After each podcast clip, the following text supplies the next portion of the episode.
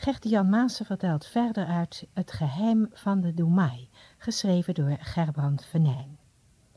Jom en zijn vrienden zijn op hun zoektocht naar het boek in de grot van de Doemai gekomen. Maar de man die zich daar uitgeeft als de Doemai blijkt dat niet te zijn. Hij houdt de jongens gevangen. Deel 12. Een eiland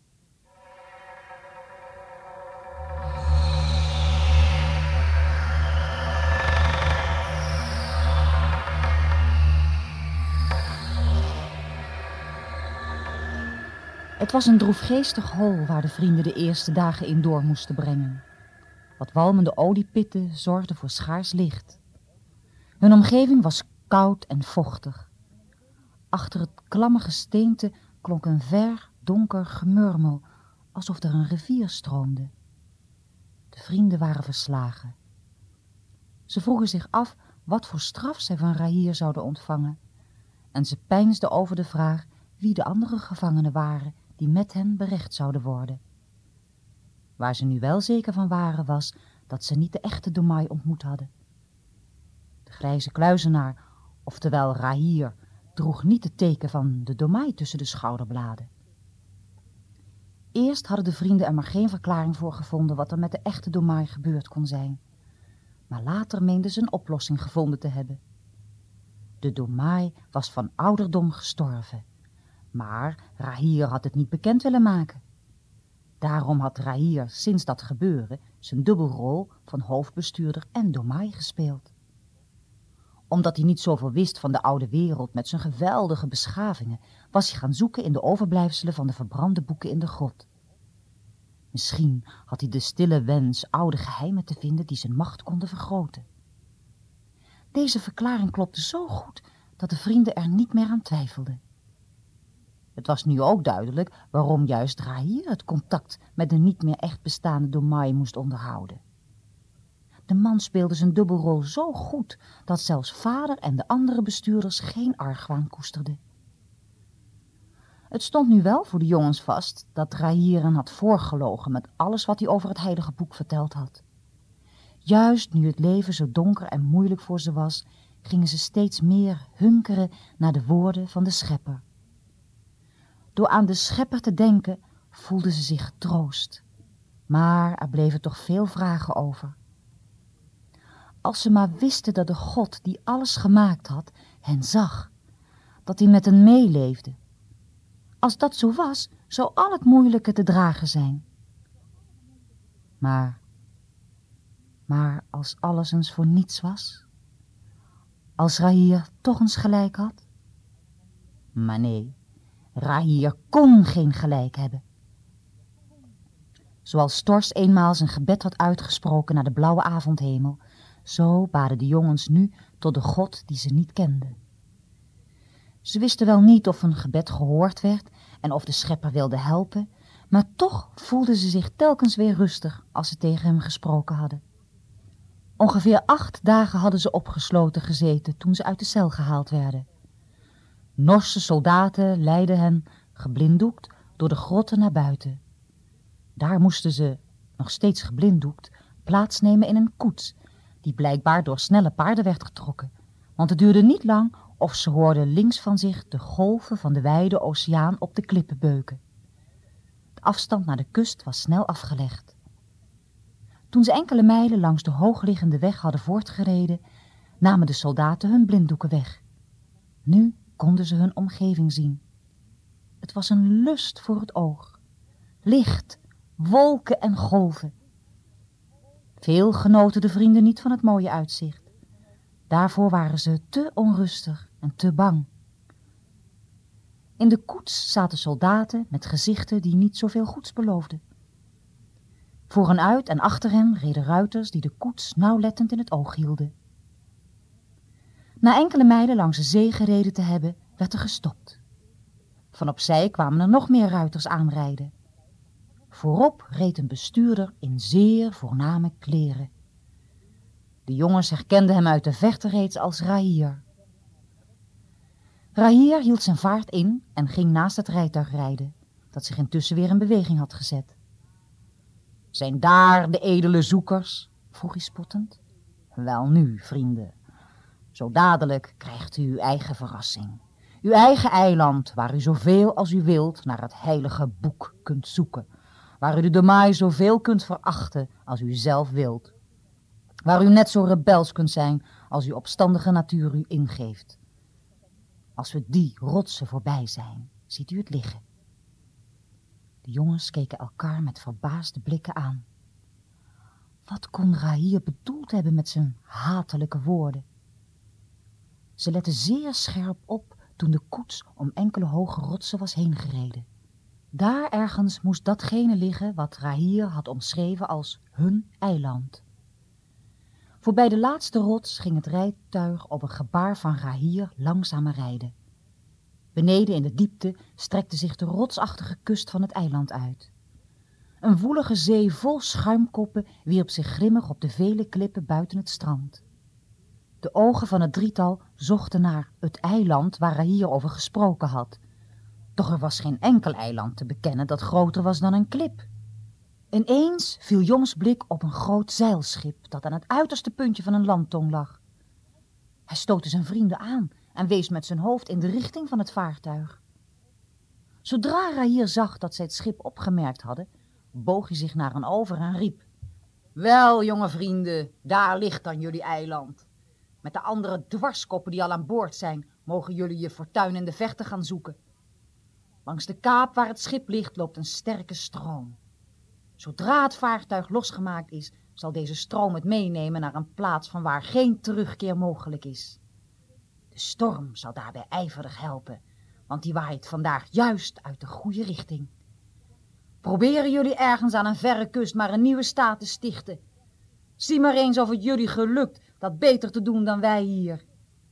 Maar beloof ons één ding. Keer nooit terug naar ons eiland, want daar wordt jullie aanwezigheid niet meer op prijs gesteld. Jong, Wan en kleine Jiba waren nog te verward om droevig te zijn.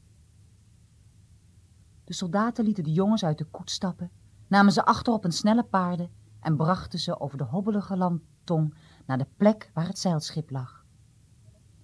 Er ging een touwladder overboord waar ze tegenop moesten klimmen.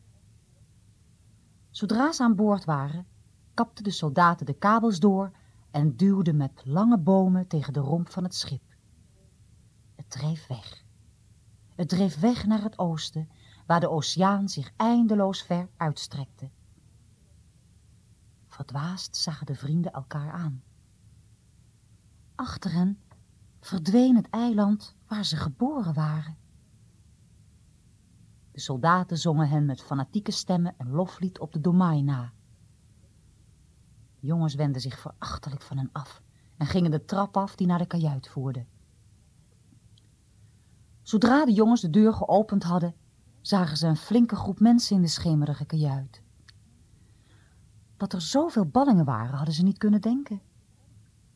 Jong, Wan en kleine Jiba snelden de ruimte binnen en keken nauwlettend rond om te ontdekken wie er allemaal waren. Wat ze toen zagen was haast niet te geloven. Dorste tuinman, grote Jiba, Ignilde, Weli en Wans beide zusjes. Het weerzien was zo geweldig fijn dat ze even alle zorgen konden vergeten. Wat Jom het allerfijnste vond, was dat hij van achter al die bekenden zijn moeder tevoorschijn zag komen. Ontroerd omhelsden moeder en zoon elkaar. Ik kon je niet vergeten, mijn jongen, fluisterde ze in zijn oor. We hebben nu allebei alles verloren, maar het is goed zo.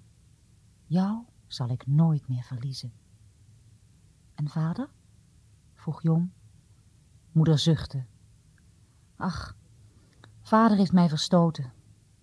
Hij heeft me nageroepen dat we beiden voor hem niet meer bestaan. Hoe kan een man zo hard zijn? Moeder snikte het uit.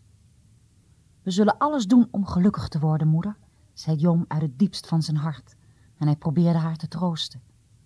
Maar moeder bleef verdrietig en Jom moest zelf ook maar steeds aan vader denken. Ik heb dikwijls over je woorden nagedacht, zei moeder. Na dat gesprek op die middag leek het wel of er iets in mij veranderd was. We veranderen allemaal door het boek en we kennen het nog niet eens, zei Jon. Misschien zal de schepper ons naar een plaats brengen waar nog mensen wonen die het boek kennen. Hoop daar maar niet op, jongen, antwoordde moeder met zachte stem. Ik weet niet zo heel veel van wat er vroeger is gebeurd, maar het schijnt dat die giftige wolken buiten ons geen mensen in leven hebben gelaten. Dors heeft ons er de afgelopen dagen al verschillende dingen over verteld. Moeder, ik zie dat u beide kamermeisjes ook hier zijn, merkte Jon ineens verheugd op. Moeder glimlachte. Zoals ik jou niet aan jezelf wilde overlaten, zo wilde ze mij niet verlaten. Jon praatte nog even met zijn moeder en ging toen kijken of er nog meer bekenden onder de ballingen waren. Enkele mannen kende hij van gezicht en er was een jonge vrouw bij die hij in het paleis van Rahir had gezien. Toen Jon meende alle kennissen begroet te hebben, merkte hij dat hij zich toch had vergist. Want uit een donkere hoek kwam er plotseling iemand tevoorschijn, die hem bij de hand greep en fluisterde. Jon, daar stond, daar stond Huino, zijn oude vriend van het schildpad-eiland. Huino, dat kan toch niet? Blijkbaar wel, jongen. Maar, maar u had toch de, de gevaarlijke ziekte? Huino schudde het hoofd. Die ziekte was maar een bedenkseltje van onze bestuurders. Ik was gevaarlijk geworden door wat ik over het heilige boek wist. Daarom moest ik verbannen worden. Al die tijd ben ik nog geen uur op Dogadova geweest. Ik heb gevangen gezeten in een grot bij het hoofdkwartier van de Domai. Jom vertelde wat hem en zijn vrienden in de grotten overkomen was. En dat ze ontdekt hadden dat Rahir de plaats van de Domai had ingenomen. Huino knikte nadenkend. Het zou best eens kunnen zijn dat jullie gelijk hebben. Wat zullen ze met de echte Domai gedaan hebben? vroeg Jom zich af. Ik vrees niet zo'n best lot voor die man, zei Huino. Je ziet nu waar Rahir en zijn medebestuurders toe in staat zijn. Ze zetten ons op een schip en laten ons zomaar over aan stroom en wind. Zou de echte Domai zo'n straf niet hebben kunnen voltrekken? vroeg Jon. Ik weet het niet, zei Huino voor zich uitstarend. Ik weet het niet. Het is in elk geval zeker dat Rahir een vreed man is. Hij had er plezier in dat we ons bang en ongelukkig voelden. Ik heb nog wel iets meer doorgemaakt dan jullie. Maar het is verleden tijd. Ik praat er niet meer over, mompelde Huino. U bent nu bij ons, zei Jom in een plotselinge opwelling van blijdschap. Ik had niet gedacht u ooit nog weer te zien. We zullen alles doen om het u prettig te maken. Heel aardig bedoeld, jongen. Maar deze oude man hoopt zich toch ook nog wel eens een beetje nuttig te kunnen maken. Hij is wel 84, maar hij heeft nog wel wat kracht in zijn knuisjes. En ten bewijze daarvan gaf hij Jom een handdruk die hem heel de verdere dag heugde. Ik ga even naar het dek, Jom, zei Huino, en hij liep naar de trap die naar het dek voerde. Ik wil nog wel eens een blik werpen op het land waar we zo lang gewoond hebben.